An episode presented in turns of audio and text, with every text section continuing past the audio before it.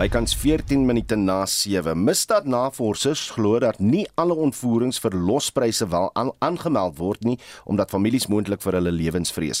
Dit laat vrae ontstaan oor of die statistieke rakende ontvoerings in die land wel die ware prentjie skets. Vroeger die week is 'n sakeman in Lenasia, suid van Johannesburg ontvoer. Jawin Bikus is na bewering deur vier mans in 'n wit voertuig gegryp. Volgens die polisie was daar tussen April 2019 en uh, Maart 2020 meer as 6500 ontvoerings in die land. Ons praat nou weer hieroor met 'n senior navorser by die Instituut vir Sekuriteitsstudies, Lizet Lancaster. Lizet, môre welkom by Monitor. In November is 'n Johannesburgse skoolmeisie ontvoer terwyl die Motti broers in Limpopo 'n hoë profiel geval was. Dink jy die getal van 6500 ontvoerings tussen 2019 en 2020 is meer en en dat alle gevalle nie aangemeld word nie? Goeiemôre Udo en luisteraars. Ehm um, ja, ons ons weet spesifiek dat in baie van hierdie gevalle mense sê dat en dit nie moet aanmeld nie. Maar hierdie tipe, jy weet die die ontvoerders, maar hierdie tipe van van ontvoerings maak net omtrent 5% van alle ontvoerings uit. Die meeste ontvoerings wat jy noem daar is wat gebeur gedurende gewapende rowe of vrouens wat ontvoer word vir jy weet vir seksuele aanranding en so voort. So die die syfer is eintlik baie kleiner vir hierdie tipe van ontvoerings vir afpersing of vir ehm um, vir om 'n losprys te eis. Maar die probleem is omdat dit so gesofistikeerde tipe van syndikaate dikwels is.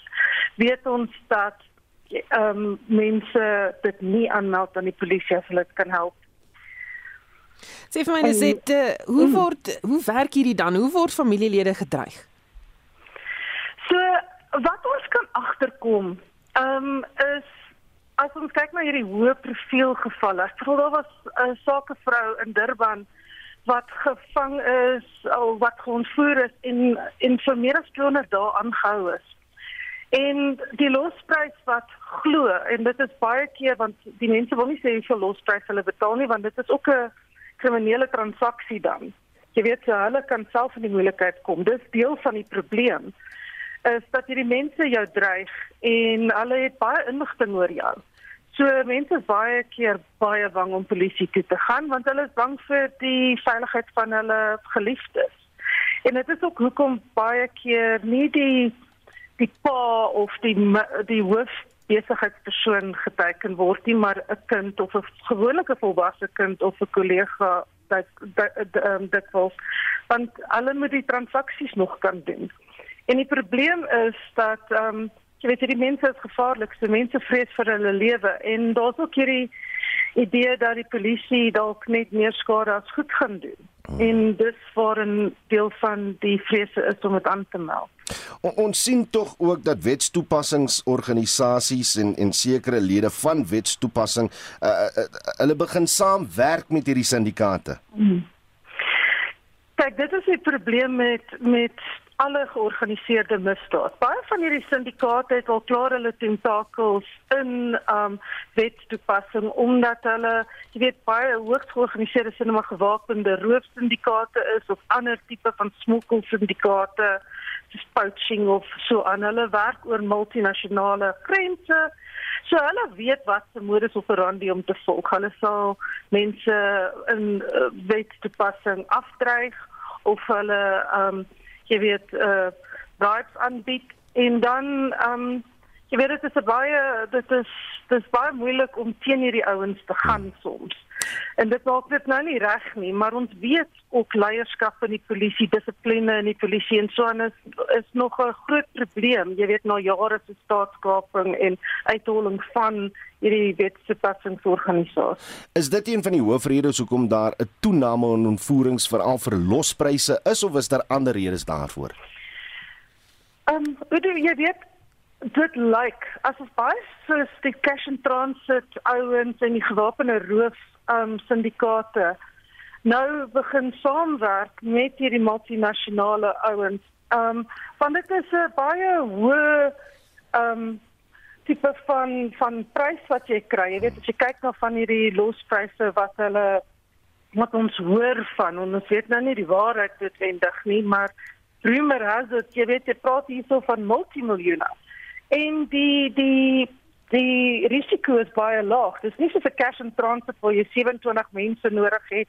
Jy weet die teen gewapende private sekuriteitsmaatskappe gaan. Jy in die mense wat onverhoeds betrap word.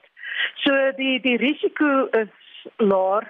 Die die die tipe van prys wat jy kan kry is meer of die wins en jy het minder mense nodig. Maar bygesê ook, hierdie is 'n ding wat ons nou sien internasionaal dat mense met val cryptocurrency en al daai goeders um nou oor landsgrense baie meer hierdie tipe van misdaad doen. So of jy nou in Amerika bly of in Suid-Afrika, hierdie multinasjonale um syndikaate is nou oral van die wêreld.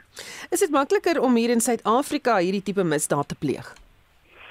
Ek dink in sekere mate is dit want ons sit hier so met ehm um, baie van die mense wat gearresteer is byvoorbeeld in van hierdie sake en ek wil nou nie sê dit is nou die hoofrede nie is Mosambikse nasionale ehm um, mense en so en so jy sit met grense waar mense baie vinnig mense kan beweeg oor.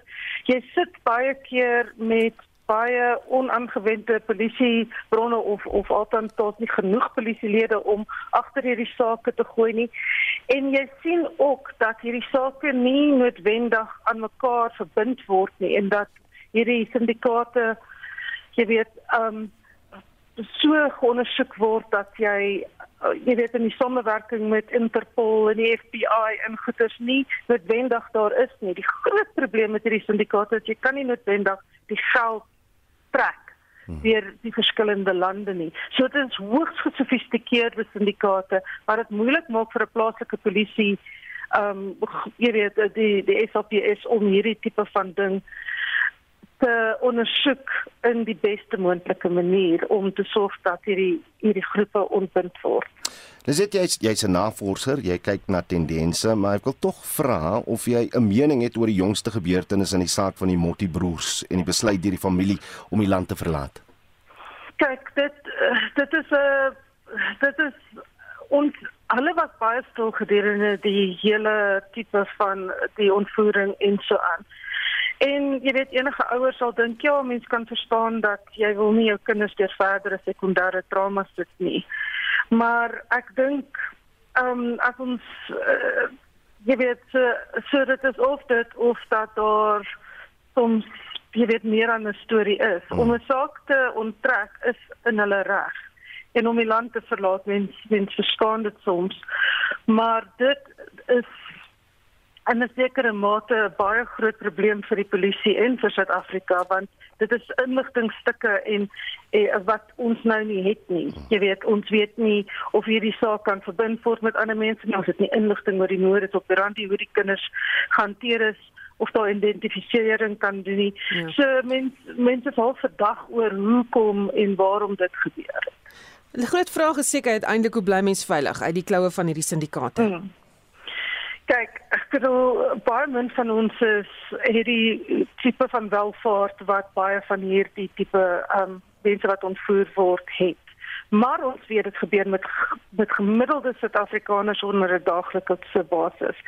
Die groot rede vir meeste ontvoerings is as gebeur gedurende gewapende roof. En ons moet baie versigtig wees in terme van wanneer ons ry na skole toe. Jy weet ons moet altyd rondom ons kyk en seker maak dat ons ehm um, jy weet dit is moeilik ek voel asof jy in 'n fliek bly maar mens moet maar versigtig wees wie jy wat van vertel van as veral as jy kontant in die hande gekry het jy weet jy het 'n erfenis gekry of 'n meevallertjie dan moet jy baie versigtig wees vir wie jy hierdie goeie sê want Daar's baie desperate mense daar buite wat sit en planne beraam hoe om hulle skuld af te betaal of hulle probleme te kry. So dis eintlik maar 'n baie moeilike ding, maar mens moet maar net so vigilant soos moontlik wees soos hulle sê. Baie dankie. Dit was Lizet Lancaster, 'n senior navorser by die Instituut vir Sekuriteitsstudies. 23 minute oor 7. Familielede van 17 mense wat dood is in 'n botsing tussen 'n minibus en 'n sportnuts voertuig in Limpopo sê hulle is getraumatiseer. Die uitkenning van die slagoffers se lijk het gister begin. DNS DNS monsters van familielede is geneem deur 'n span forensiese spesialiste by Mokopane Hospitaal. Metsi van der Merwe doen verslag. Die familie sê die tragedie voel nog onwerklik. Die persone in die minibus was op pad huis toe van Pretoria na Polokwane. Die ongeluk het slegs 100 km voor Polokwane gebeur. Die bestuurder van die motor het na bewering beheer verloor na 'n band gebars het. Die minibus het na die botsing aan die brand geslaan. 16 mense in die minibus en die bestuurder van die motor is op die toneel dood verklaar. Die familielede moes DNS-monsters gee omdat die oorledendes so verbrand het dat hulle onherkenbaar is. Familielede Samuel Mohoka en Paulina Mamabolo deel hulle verdriet. It's our sister, it's Flora from Motongwa Perekisi. So we are deeply very sad about the, the incident that happened between Mokopong and Mokopane and the family. We never had any report from them up to so far. We lost three members and ish, I can't I can't talk. I'm speechless now. I don't know. We are traumatized. I can say we are traumatized. I don't know what to say. Die 58-jarige Leposa Melefu wat die ongeluk oorleef het, vertel van die ervaring. The impact happened. The seat in the taxi moved around. There was a male passenger who used an object to break the window. We all started getting out as the taxi was on fire. The fire had ignited towards the front of the vehicle. I managed to escape and got injured in the process. Die LER vir vervoer, Mavungu Lerule, Ramakanya en die LER vir gesondheid, Poppy Mama Tuba het die families by die hospitaal besoek. Leruli Remakanya het aan die families beloof dat die DNS-proses om die ontslapenes te identifiseer versnel sal word. We have met with the families today just to convey our condolences. As the police, we have brought in a team that comes from Pretoria to be able to deal with the forensic processes quickly because already we are anticipating that within two weeks we should have been able to conclude the matter. Katlego Nyoni het hierdie verslag saamgestel. Mitsi van der Merwe, SAK nuus. 26 minute oor 7. 'n Omgewingsbewaarder van Kebega in die Oos-Kaap, Arnold Slabber, doen 'n beroep op inwoners om nie rottegif te gebruik nie, omdat dit uile en ander roofvoëls in die omgewing doodmaak. Slabber sê die hele land se uilbevolking word hierdeur bedreig dis nie net my omgewing. Ek is die een wat daar so staan en sê luister mense hierdie eile vrek by die bylehuil. Dit gebeur die hele land en eintlik die hele wêreld oor. Dis nie 'n uh, ongewone verskynsel. En dit gebeur basies vir een simpele rede omdat mense rotgif uitsit. Die rotte eet die gif. Hulle vrek nie onmiddellik al vrek hulle eile sal dooie rotte ook eet. En jou groot probleem met roofdiere en spesifiek valke eile, as daar baie kos in 'n area is, dan word hulle daar gelok. So jy sit in 'n area met 'n groot rotprobleem, mense sit die gif uit en natuurlik vrek al die eile. Nou groot is die kans op oorlewing indien die eil rottegif inneem. Dit hang af van wat so rottegif dit is. Jy kry rottegif wat hulle binne 24 uur doodmaak. Van die tussen hakkies sagte rottegif maak hulle siek vir 'n lang periode. Hulle gaan agteruit en dan sterf hulle. So jy twee keuses of jy maak hom stadig dood of jy maak hom vinnig dood, afhangende van wat so rottegif gebruik word. Nou watter ander diere of roofvoëls word deur die gebruik van rottegif bedreig? Wel, dis baie interessant. Uit my persoonlike ondervinding, enige ding wat 'n rot eet, so jy kan deurgaan van slange tot muisonde, muskeljaagkatte, enige roofdier wat 'n rot eet. Maar wat baie meer interessant is, die Universiteit van die Kaap het 'n navorsing gedoen met bloedmonsters gevat en hulle rotte in diere gekry soos ratels, otters, rooi katte, deur die hele selfs en natuurlik makdiere word vergiftig word, soos jou honde en jou katte. Wat is 'n meer omgewingsvriendeliker opsie in plek van rottegif? As jy na my toe kom en jy sê Arnold, ek het 'n rotprobleem. Die eerste ding wat ek vir jou gaan sê, nee, jy het nie 'n rotprobleem, jy het 'n mensprobleem. Want aan die einde van die dag, die rede hoekom rotte na ons toe kom, is omdat ons hulle van drie goed voorsien: kos, water en verblyfplek. En as jy een van daai dinge uit daai hele stelsel uithaal, kom ons sê ons maak dit moeilik vir hulle om kos te kry of ons maak dit moeilik vir hulle om blyplek te kry, sal hulle net verdwyn. Simpel soos dat. Maar jou groot probleem probleem is. Nommer 1 is mense is nie bereid om te aanvaar luister die rotprobleem is eintlik iets wat ons verkeerd doen. Die eerste ding wat 'n mens doen is hy gryp met die gif en hy gooi dit daar so as ek het probleem opgelos. En dit is nie almal nie maar die meerderheid mense is maar so. Die ander ding is en dis nogal 'n slim ding is die feit dat van hierdie vaardiges van rottegif uitkom met tussen hakkies omgewingsvriendelike op eil vriendelike rottegif papierbog is. Maar dis 'n goeie bemarking ding en die lei mense dink, "O, oh, hier doen ek nou iets goed vir die omgewing. Hier rotte gif gaan die eile doodmaak." As 'n gif 'n rot kan doodmaak, maak hy eil dood. 98% van mense wat vir my bel en sê, "Arnold, ek het 'n rotprobleem." Die eerste ding wat ek vir hulle vra is, "Voer jy voëls in die tuin?" Hulle wat sit jy kos uit vir voëls in die tuin? Hulle sê, "Ja." Ek sê, "Stop per onmiddellik." die rotte sal weggaan en die rotte gaan weg. Sodra jy saad en mielies in dit uitsit in jou tuin, lok jy spesifiek huisrotte. So uh, as jy voels reg in die tuin wil voer, plant plante wat die voels gaan voer, inheemse plante en blomme en struike, maar hou op om daai kos uit te sit. Arnold, hoekom is dit belangrik om eile en ander roofvoëls te beskerm? As jy na jou ekosisteem kyk, kyk jy na wat ons in Engels noem apex predators. Dit is die roofdiere wat daar bo sit. En sodra jy begin optel dat die voëls vergiftig word wat bo aan die voedselketting sit, dan weet jy daai gif gaan deur jou hele stelsel deur. Rotte is 'n groot probleem eile doen 'n goeie werk om rotte te beheer. As ons nie lei is en ons ordentlik kyk na ons omgewing en ons eile bewaar, sal hulle baie van daai probleme vir ons vernietig en die ander roofdiere en roofvoëls. Dis almal deel van die ekosisteem, maar jy weet aan die einde van die dag, die gifstowwe wat ons uitgooi, dit's nie net eile en daai soort goed aan. Gaan toets die rivier waar daar kommersieel geboer word en sien wat se gifstowwe in daai water lê. Dit is absoluut kommerwekkend. En ons gebruik van gif gaan veroorsaak dit nie net elke keer as ek 'n uil sien wat daar so besig om te sterf van rottegif, dan dink ek ja, slim mense, julle weet nie wat julle aan julleself doen ook. Want al die gifstowwe kom in ons omgewing in en ons kry dit self in. So aan die einde van die dag om glad geen gif te gebruik is die antwoord. En ons het geleer dat ons kan nie sonder gif leef wat natuurlike liegstorie is. Jy kan sonder gif leef tot 'n baie baie groot mate maar ongelukkig is die mens en as ek dit in Engels moet vertaal dan praat ek van 'n chemical dependency amper soos dwelmverslaafdes ons kan nie verby die nood vir gif dink nie. So in ander woorde as ons 'n probleem het wat doen ons? In die tuin ons gaan gryp bietjie gif. En dit is die groot probleem met die mensdom. Hulle oë moet bietjie wye oopbreek en sien wat hulle aan ons omgewing doen En dit was Arnold Slabbert, omgewingsbewaarder vanuit Kebega in die Oos-Kaap en Vincent Mofokeng het met hom gepraat. Marlene Forsie, wat sê ons luisteraars? Nuwejaarsvoornemens is vanoggend in die kalklig. Is nou so 2 weke die nuwe jaar in en ons wil hoor, hou jy by joune? Wat is joune? Het jy al suksesstories om met ons te deel? JJ sê hy gaan ophou met takeaways koop en so 'n bietjie by die huiswerk.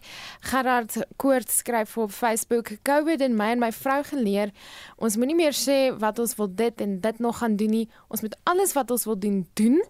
En dit geniet in parke natuurlik en wat ons sak pas. So hy sê doen dit nou terwyl jy die geleentheid het. Dan laat weet Helena van die Weskaap, my voorneme is om geen voorneme te hê nie, leef een dag op 'n op 'n slag. Gister is 'n les, vandag 'n uitdaging en môre 'n moontlikheid. Jy het nog tyd tot so net voor 8 om saam te praat. Jy kan 'n SMS stuur na 45889. Hy gaan R1.50 kos. Kan jou mening op ons Facebookblad deel of jy kan 'n WhatsApp stemnota stuur na 076 536 6961. So by kan 735 'n senior regeringsamptenaar van die Vrystaatsdepartement van Samewerkende Regering, Tsidiso Mangope het om verskoning gevra vir sy omstrede plasings op Facebook waarin hy die onderwysunie Sadou en onderwysers beledig het. Mitsi van der Merwe doen verslag. Mangope het in sy plasing wat nou gewis is die bekwaamheid van die Suid-Afrikaanse Demokratiese Onderwysunie SADU bevraagteken. Hy het geïmpliseer dat hy nie sy kinders aan hulle gaan blootstel nie. Mangope sê sy opmerkings was nie ernstig bedoel nie en dat hy nou eers besef watter skade hy aangerig het. One should be careful of the things that we say uh, when we say that because of the responsibilities that we hold in government. It was highly regrettable, and I want to extend a sincere apology to not only educators in this country, but also to everybody who may have been offended by the regrettable post that I made. At an appropriate time, I will extend a formal communication with the trade union, explain where I was coming from, but also to offer my sincere apology for the anguish and the pain that I've caused. Die Vrystaatse Departement van Onderwys het Mangope gekritiseer omdat hy die omstrede boodskap op Facebook versprei het. Die woordvoerder van die Departement van Onderwys in die Vrystaat is Howard Ndaba. Magwe condemn the post with abhorrence and disdain it deserves and hope that Mangope face sanction by his department. His posts amount to racism, sexism, blatant abuse of our teachers who have contributed immensely to the education of our children, especially the historically disadvantaged learners. Sadou sê dat hy 'n brief van beswaar aan die LER vir samewerkende regering en tradisionele sake geskryf het. Die sekretaris-generaal van Sadou, Mokolowane Moloi, And this person holding that key position, as it is reported that he is the advisor to the NEC, should know the rights of other citizens, the legislations, so he can advise the NEC properly. So members of SADU are angry, but we have written to the HOD and the office has responded to us indicating that they receive our letter and the matter is receiving attention. So we'll wait as SADU to hear what will be the response from the NEC. Die jong kommuniste liga in die Jeweleputwa gebied in die Vrystaat is ook ontstig. Die voorsitter van die jeugliga, Lepelin Kwandipu, sê hulle het versoek dat die Vrystaatse ANC saamroeper en die LER vir samewerkende regering Mkoliswa Tukwama Mangope wat ook sy raadgewer is, As the YCL in Tishavanga, we are not happy. We are very angry and disturbed by the utterances made by Tidiso Mangope and we will be writing a letter to the MEC of Koktam, Mkodisi Dukwana, and to the leadership of the ANC in the province to suspend uh, uh, Mr. Tidiso Mangope. We are not happy about these utterances made by him, and we are, we are very, very, very angry with regard to this, and we will definitely write to the MEC of Kokta and the leadership of the ANC. Die woordvoerder van die ANC in die Vrystaat se tussentydse provinsiale komitee, Oupa Kwabani sê onderwysers is die staatsmakers in die gemeenskap en dat hulle met die respek wat hulle toekom behandel behoort te word. So we deploy in the strongest terms and we say to all that we should respect the work done by, by the teachers because throughout the world, all the nations respect teachers because teachers are the backbone of uh, social development of any society, socio-economic uh, development of any society. So we, we would not encourage anyone to demean or belittle any teacher in the manner in which those posts uh, attributed to Mr. Mangope uh, are expressing. Die departement van samewerkende regering sê hy het begrip vir die gemeenskap se woede. Die woordvoerder van die departement, Zolile Lobby, sê Mangope is 'n jong man wie se gedrag nog kan verander. Ismail Modiba het hierdie verslag saamgestel. Mitsi van der Merwe, SAK-nuus.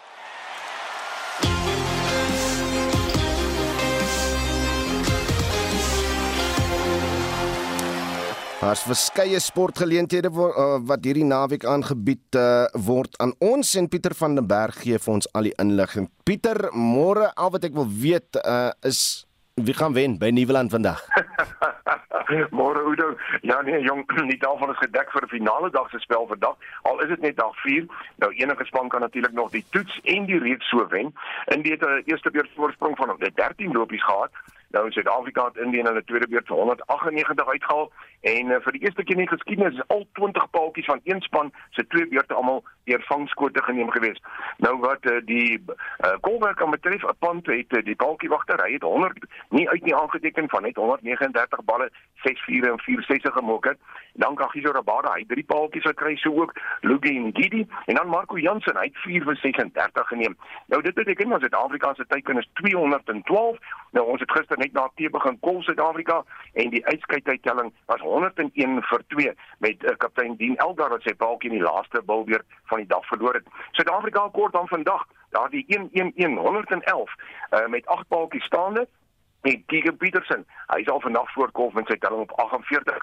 Spel begin om 10:30 en hy sal se deur die loop van die dag ons luisteraars op hoogte hou van wat hier op Nieuweland gebeur. Dan op die internasionale front het die vyfde en laaste krieketoets in die reeks om die as vandag in Hobart begin. Nou die Aussies is met 3-0 voor nadat die vierde toets onbeslis geëindig het. Nou dis 'n dag aan toets nou Engeland het die lood gewen. Die Aussies ingestuur om te kolf in die jongste telling is 30 vir die verlies van 3. So Australië 30 lopies vir die verlies van 3 paaltjies. Dan doen ons ook na vroue krieket. Die Proteas is 'n uh, kaptein Duin van Niekerk sal nie deel wees van die Wes-Indiese eilande se toer nie en ook nie beskikbaar wees vir die Wêreldbeker in Nieu-Seeland nie. Dis daad nadat van Niekerk haar linker enkel fraktuur by haar huis opgedoen het en dit is uh, nadat sy op 'n nat oppervlakte gegly en sy sal vir 3 maande buite aksie wees. Dit is regtig 'n jammerte oor dan hy van die kerk. Maar kom ons uh, skuif nou 'n bietjie rugby toe. Na week is 'n stilte op die plaaslike front. Dis op die Karibieke reeks die naweek af en die eerste wedstryd word reeds vandag gespeel. Ja, Udo vanaand in die Mbombela stadion, dis die twee buurmanne te mekaar, die Pumas en die Bulle. Hulle pak mekaar dan om 7uur vanaand. Môre is daar twee Karibieke wedstryde. Die eerste een is om 0:30 daar in Bloemfontein in die Vrystaat en Griekwas. Ek sien dat Roan Pinaar en Frans Steyn, hulle is in die beginspan ingesluit vir die Vrystaat en Dion Skoomon sal ons luisteraars môre middag gereeld te hoogte hou van gebeure. En dan eh, die tweede wedstryd môre is om 5uur. Dis die Weselike provinsie wat in die Leeu speel in Kaapstad. Nou so 'n bietjie sewe rugby nuus. Daar is vyf veranderinge aan die Blitsbok groep gemaak wat aanstaande week in die Wêreldreeks in Malaga in Spanje gaan speel. Justin Geduld, hy sal vir die eerste keer in 2 jaar sy terugkeer tot die groep maak en dan Suid-Afrika is in dieselfde groep as Engeland, Fiji en Skotland ingedeel vir die rondom Talie wedstryde in die in die eerste fase. En daardie toernooi word oor 3 dae gespeel, Oudo. En as dit kom by tennis, uh, maandag slaan die eerste Grand Slam van die jaar af is natuurlik die uh, die Novak Ope. Die Aussie Ope. ja, die Aussie Ope Novak, hy is gister weliswaar in die hoofloting in. Hy gaan teen van sy landgenote speel, maar ons sal moet kyk wat al verder gebeur. Kom ons kyk nou van die voorbereidingstoernooie. In die Adelaide toernooi is dit Tina Coco Golf wat hier is aan die halfeind. Sy het vir Anna Kuja geklop met 6-3 en 6-4 en sy speel nou teen of Madison Keys of die agste gekeerde Ludmila Sabsanova. Dan eh, die wêreldnommer 3 Gabin Mangarosa, sy is by die Sydney Classic in die kwartfinale deur die Rus Daria Katsakina uitgeskakel en ek sien dat uh, Paula Boudoza sy deur in die halffinale daar in Sydney sy met Belinda Bencic afgereken nadat sy 'n uh, drie-stel maraton daar gewen het. Die Dakar tydren loop vandag ten einde met die laaste skop wat gejaag word. Het jy gister se uitslaa ontvang? Ja, ons het Udo die gister se 11de skof oor 364 km. Dit was Carlos Sainz wat die skofwenner was daar. Suid-Afrikaanse Janiel de Villiers, hy was 5de en uh twee plekke voor die algehele voorloper Nassar Al-Attiyah. Dan uh, die algemene die algeheel in die motorafdeling dan met die laaste skof soos jy sê wat vandag begin, is dit Nassar Al-Attiyah wat 'n voorsprong het van uh 33 minute oor Sebastian Loeb met uh, Janiel de Villiers daar in die 5de posisie tans. Dan gister in die motorfietsafdeling dit Kevin Benavides van Argentinië wat geseëvier het op sy KTM en algeheel is Sam Sunderland uh, op sy gasgas is hy die voorloper met Pablo Quintanilla op 'n uh, uh, Honda in die tweede plek en Matthias Wagner hy is daar op 'n KTM derde. Vandag se 12de en laaste skof word van Bishan na Jeddah gejaag en uh, dit sluit 'n sneltraject van 164 km in. Die Amerikaanse PGA Golfreeks word die uh, week ook voortgesit en daar is ook 'n toernooi in Singapore. Ja, die Sony Open daar in Hawaii, daar's 144 spelers wat in die eerste ronde afgeslaan het gister of gisteraan Suid-Afrikaanse tyd dan Kevin Na. Hy is die voorloper met 1-0 na briljante 61 in die eerste ronde. Jim Furyk en uh, Russell Henley is uh, hou agter hom op 800 so Kevin Na die voorloper op 900. Dan wat uh, die Suid-Afrikaners aanbetref, Christian Besuitnout, hy is gesamentlik 16de op 500 en Erik van Rooyen, hy is 24ste op 400 syfer. En dan in Singapore, die internasionale toernooi se eerste ronde wat ook daar gister op twis Kalin Yoshi van India. Hy is die voorloper met twee houe. Hy het 'n 67 in die eerste ronde gespeel. Uh, William Harold van Engeland is daar tweede na 'n 69 Suid-Afrikaanse Matthew Keiser hy is uh, op 71 so nie gesamentlike sesde posisie. En dan sluit ons af met bietjie sokker. Ek sien Afcon is aan met vuur en vlam en dan is daar ook aksie in Engeland Ja, gister twee wedstryde in die Afcon reeks. Dit is uh, die Kaapverdiese eilande Pakby, waar Kino Faso het hulle met 1-0 geklop en Kameroen hulle behaal 'n oorwinning van 4 doele teenoor 1 oor Ethiopië. En dan vandag is daar vier wedstryde: Senegal teen Guinea, Malawi teen Zimbabwe, Marokko teen die die Comores en dan Gabon. Hulle speel teen Ghana vanaand om 9:00. En dan in die Engelse Premier League een wedstryd vandag Oudo. Dis Brighton wat vanaand om 10:00 teen Crystal Palace speel. Môre 'n hele rits wedstryde. Dit uh, begin môre middag om 03:30 met Man City teen Chelsea. En Jody Hendricks sal vanmiddag in Spitsheid terug wees met meer sportnuus Oudo. En dit was Pieter van den Berg met die jongste sportnuus. Dis nou kwart voor 8 en eh, die hertog van York Prins Andrew is van sy militêre rolle en beskermheerskap van verskeie liefdadigheidsorganisasies gestroop. Hy sal ook nie meer as sy hoogheid toegespreek word nie of aangespreek word nie. Dit volg op 'n saak van seksuele aanranding teen hom in die FSA. Marlene Forsie hou die en ander internasionale stories dop. Ja, soos aan Andrew soos wat hy nou bekend staan se regspan kon nie dan slaag om 'n Amerikaanse regter te oortuig om die saak wat deur Virginia Joffrey gemaak is uit te gooi nie. Hy word beskuldig van die seksuele aanranding aanranding eerder van Joffrey as minderjarige in 2001 toe sy 17 was. Die nuus is gedeel deur middel van 'n verklaring uit Buckingham Paleis. Nou volgens die voorsitter van die verdedigingskomitee in die Britse parlement, Tobias Elwood, is daar heelwat verligting hieroor. The royal family has an intimate relationship with the regiments going back in history. Many of them are honorary colonels and so forth. And uh, it's important that the problems that uh, Prince Andrew has incurred sort of aren't bled over into the regiments that he was representing. Nou Andrew mag van nou af nie meer in militêre drag gesien word nie. Sy rol in die vloot word ook opgeskort en hy mag glad nie meer saam met die koninklike familie verskyn op Buckingham Paleis se bekende balkon nie. Hy word verder verbind aan die veroordeelde Amerikaanse seksoortreder Jeffrey Epstein en dis iets waaroor die BBC hom so 2 jaar terug reeds uitgevra het. That's the bit that that that that um as it were I kick myself for on a daily basis because it was not something that was becoming of a member of the royal family. And we try and uphold the um, highest standards of, and practices, and I let the side down. Simple as that. Andrew gaan hom nou in sy persoonlike hoedanigheid in New York verdedig. Hy is egter nie die enigste Brit wat in die sop is nie. Die druk op premier Boris Johnson om te bedank neem ook toe. Ja, dit volg op gerugte van nog onwettige partytjies by 10 Downing Street met 'n van streng inperkingsregulasies verlede jaar. Die Britse media gons oor die onwettige byeenkomste in die afwesigheid van die premier. Die BBC verslaggewer wat die verwikkelinge volg, Michael Bell, sê daar's veral ontevredenheid omdat dit op die 16de April plaasgevind het. Hier is hoekom. The key thing about this one, it was on the eve of the funeral of Prince Philip. And the next day, as many viewers will remember, there was that image of the Queen sitting alone. She was adhering to COVID regulations, mourning by herself there. And yet, a few hours earlier, according to the story in the Telegraph, around 30 Downing Street staff had got together for two farewells. You have uh, the allegations of 30 attendees at a party in Downing Street, and then a few days later, a few hours later, 30 mourners only allowed at a royal funeral. Nou wel Johnson nie by hierdie verrigtinge was nie, word hy tog aanspreeklik gehou. Dan nuus van 'n ander aard, as jy gedink het jy's te oud om 'n nuwe projek aan te pak, dink weer.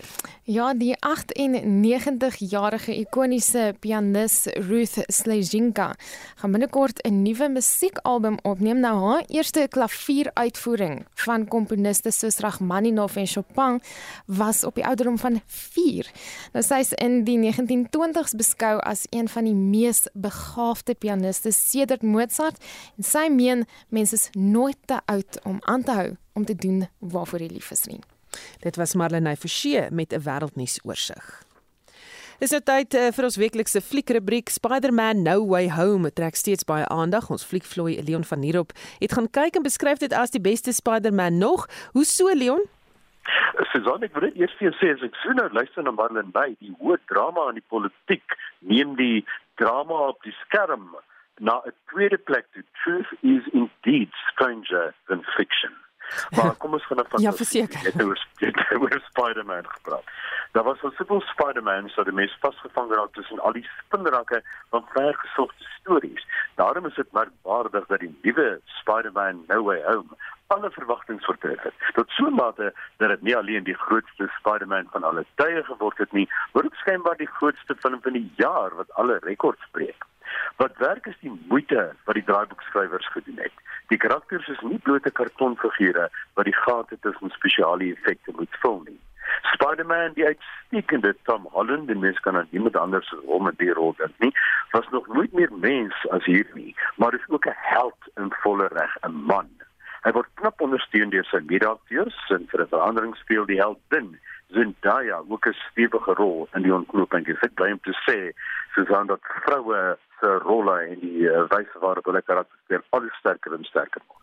Maar daar is 'n eislike verrassing wat selfs die grootste Spider-Man aanhanger nie sou verwag nie. Ek kan nou niks meer daaroor sê nie en wat die storie in heeltemal 'n ander unieke rigting stuur. Dis veral verantwoordelik vir die 8 uit 10. Spider-Man No Way Home is professionele aksie Marvel vermaak en wys slegs in teaters. Dan is daar 'n gewilde reeks The Movies That Made Us wat handel oor hoe ikoniese films gemaak is. Is hierdie dokumentêr kykbaar?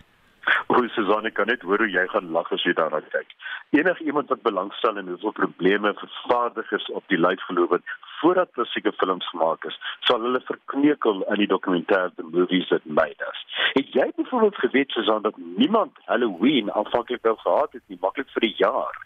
Dat yeah. Back to the Future se teks heel onder aan 'n dik pak tekste gered. Kom ons sê net maar 50 wat ateljeebaas moet lees. Een of ander ongelukkige siel het dit heeltemal onder uit die pakkie gehaal, mens weet nie hoekom nie en toe besluit, ag nee wat, dit sal net werk nie. En toe die teks uiteindelik toevallig voor 'n ander leser beland en later vir die kameras word die hoofakteur ontslaan en daar sit 'n sonder film. Pretty Woman was 'n baie donker film waarvoor verskeie aktrises natuurlik nie gesê het tot Julia Roberts ontdek is en die aanslag baie ligter geword het. En daar was soveel chaos op die saak van Rouboucop dat dit byna 'n jaar geneem het om die film te maak. En Susan, kan jy glo, weet nie hoe lank dit jou neem om soggens aan te trek nie. Maar dit het 6 maande geneem om die robot se kostuum te ontwerp en aan Peter Weller te laat pas Hierdie en ander inligting oor byvoorbeeld Die Hard, Home Alone, Ghostbusters, Aliens word openbaar gemaak in geen onsekere terme nie. En die drama agter die skerms is amper interessanter as die uiteindelike films wat na baie trane, vloermoere en bekleierery voltooi is. Wag 'n kans met the movies that made us. Reeks 3 het onlangs op Netflix begin en die entoesiastiese aanbieding van die dokkie sorg vir die 8 uit 10. Oh, dit klink verseker na iets om te kyk en 20 minute Leon, dit is wat ek kort om aan te trek. Goed.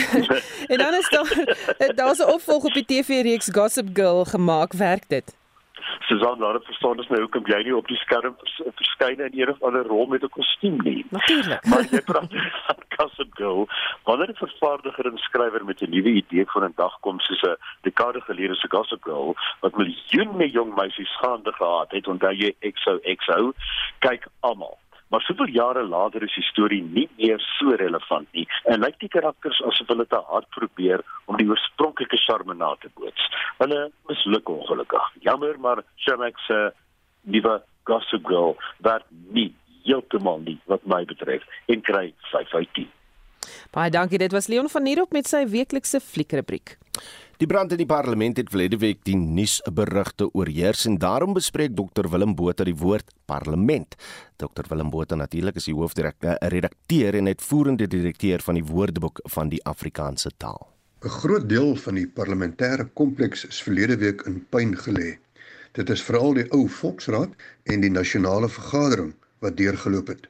'n Man is op die perseel in hegtenis geneem maar daar is heelwat skeptisisme oor sy werklike rol in die brand. Die parlement is die hoogste wetgewende liggaam van 'n land.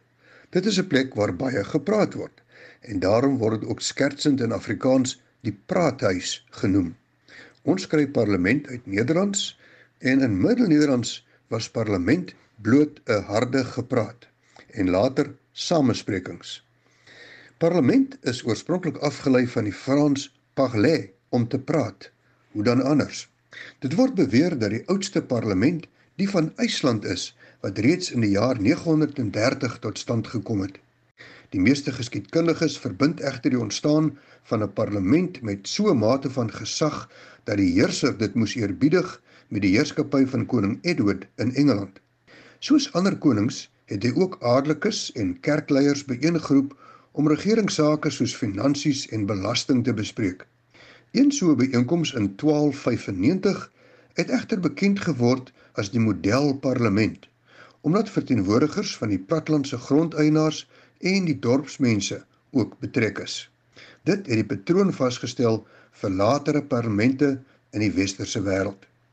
Die gebruik van regs en links in die politiek dateer van die Franse Revolusie toe die Franse Nasionale Vergadering in 1789 vir die eerste keer ontmoet het om 'n nuwe grondwet te skryf. Die lede van die Nasionale Vergadering was erg verdeel oor hoeveel mag die koning voortaan na die revolusie moes geniet. Die revolusionêres wat teen die bestaande orde gekant was, het links van die voorsitter gaan sit en die konservatiewe ondersteuners van die aristokrasie aan die regterkant van die voorsitter. Koerante het gou die etikette van links en regs gebruik om na die verskillende groepe te verwys. Die etikette van links en regs het egter eers aan die begin van die 1900s algemene gebruik in die Engelssprekende lande geword. Dr Willem Botha is die hoofredakteur en uitvoerende direkteur van die Woordeboek van die Afrikaanse taal. Besoek gerus www.w.a t.co.za sê 'n woord wil borg of koop of Google borg 'n woord. Dankie Annelien Marlenae, wat se terugvoer het jy? Ons praat vanoggend oor nuwejaarsvoornemens en hier's iemand op die SMS-lyn wat skryf: "Mense, die voorneme vir 2022 in die gange klink almal dieselfde. Raak ontslaaf van die love handles of die nuutste naam COVID spring rolls." Sê hierdie luisteraar sê hulle werk daaraan en die sê sterkte aan almal wat in dieselfde bootjie is en wil werk aan hierdie COVID spring rolls. En dan gaan die laaste woord vanoggend aan van ons luisteraars op WhatsApp. Hier is hulle stemnotas. Goeiedag RSG luisteraars. Ek wil net deel wat ek actually op RSG gehoor het in Desember voor ek op vakansie was. Wat sê vir die nuwe jaar mense net eenvoudig lewe, goed lewe en nee sê vir nonsens en dit is presies wat ek doen en dit is nog sover so goed. Is my op Aberdeen. My dogter het vir my so oulike dingetjie gegee toe sy Kersdag hier was. Uit Durban sy sê, "Daai goed wat so gebeure word, mamma, gebruik dit." Tot klere wat 'n mens nie meer dra nie, wat jy so in jou kas opgehaar elke winterpakkie dit uit en na die winterpakkie dit weg en jy dra dit nie alles nie. En in die somer dieselfde. Vat dit en gee dit vir iemand wat dit nodig het. Moet dit nie bære of opgaar nie. En ek het daaroor gedink en dit is tog so die waarheid. Ons moet vandag doen wat ons kan doen, want môre is nie vir ons beloof nie. En dan is my uit Aberdeen se voorneme vir 2021, ag eerder 2022. Ehm um, môre maak ons fees, ons praat weer saam. Nou ja, en daarmee uh, groet ons. Dit was Madeleine wat daar aan die woord is en onthou vorige uitsendings van Monitor is op RC se webblad as 'n potgooi beskikbaar. Gaan net na www.rc.co.za. Ons groet namens ons uitvoerende regisseur. Maar voor jy groet, ja, is Madeleine ja. weer aan die woord met die dagboek vir Lekker ja, hastig Susan, lekker. Ja, hierdie mense moet vanmiddag na jou luister. maar asseblief skakel in want die minister van gesondheid Dr. Joe Pagla spreek later vanoggend die media toe oor die regering se nasionale COVID-19 inentingsprogram. Ons praat ook met 'n kenner oor die redes hoekom minder leerders vanjaar by privaat skole ingeskryf is en Januarie is internasionale leef gebalanseerd maand. So ons vind uit hoekom dit belangrik is vir die welstand vir jou liggaam en gees en dit is nou tussen 12:00 en 1:00 vanmiddag op RSG. En nou gaan ek nee sê vir nonsens en totsiens van die hele span ons groet namens ek voerende regisseur Nicoline de Wet, die redakteur vanoggend Joan Marie Verhoef en ons produksie regisseur Daitron Godfrey X Udo Karelse. En ek is Susan Paxton, geniet jou oggend.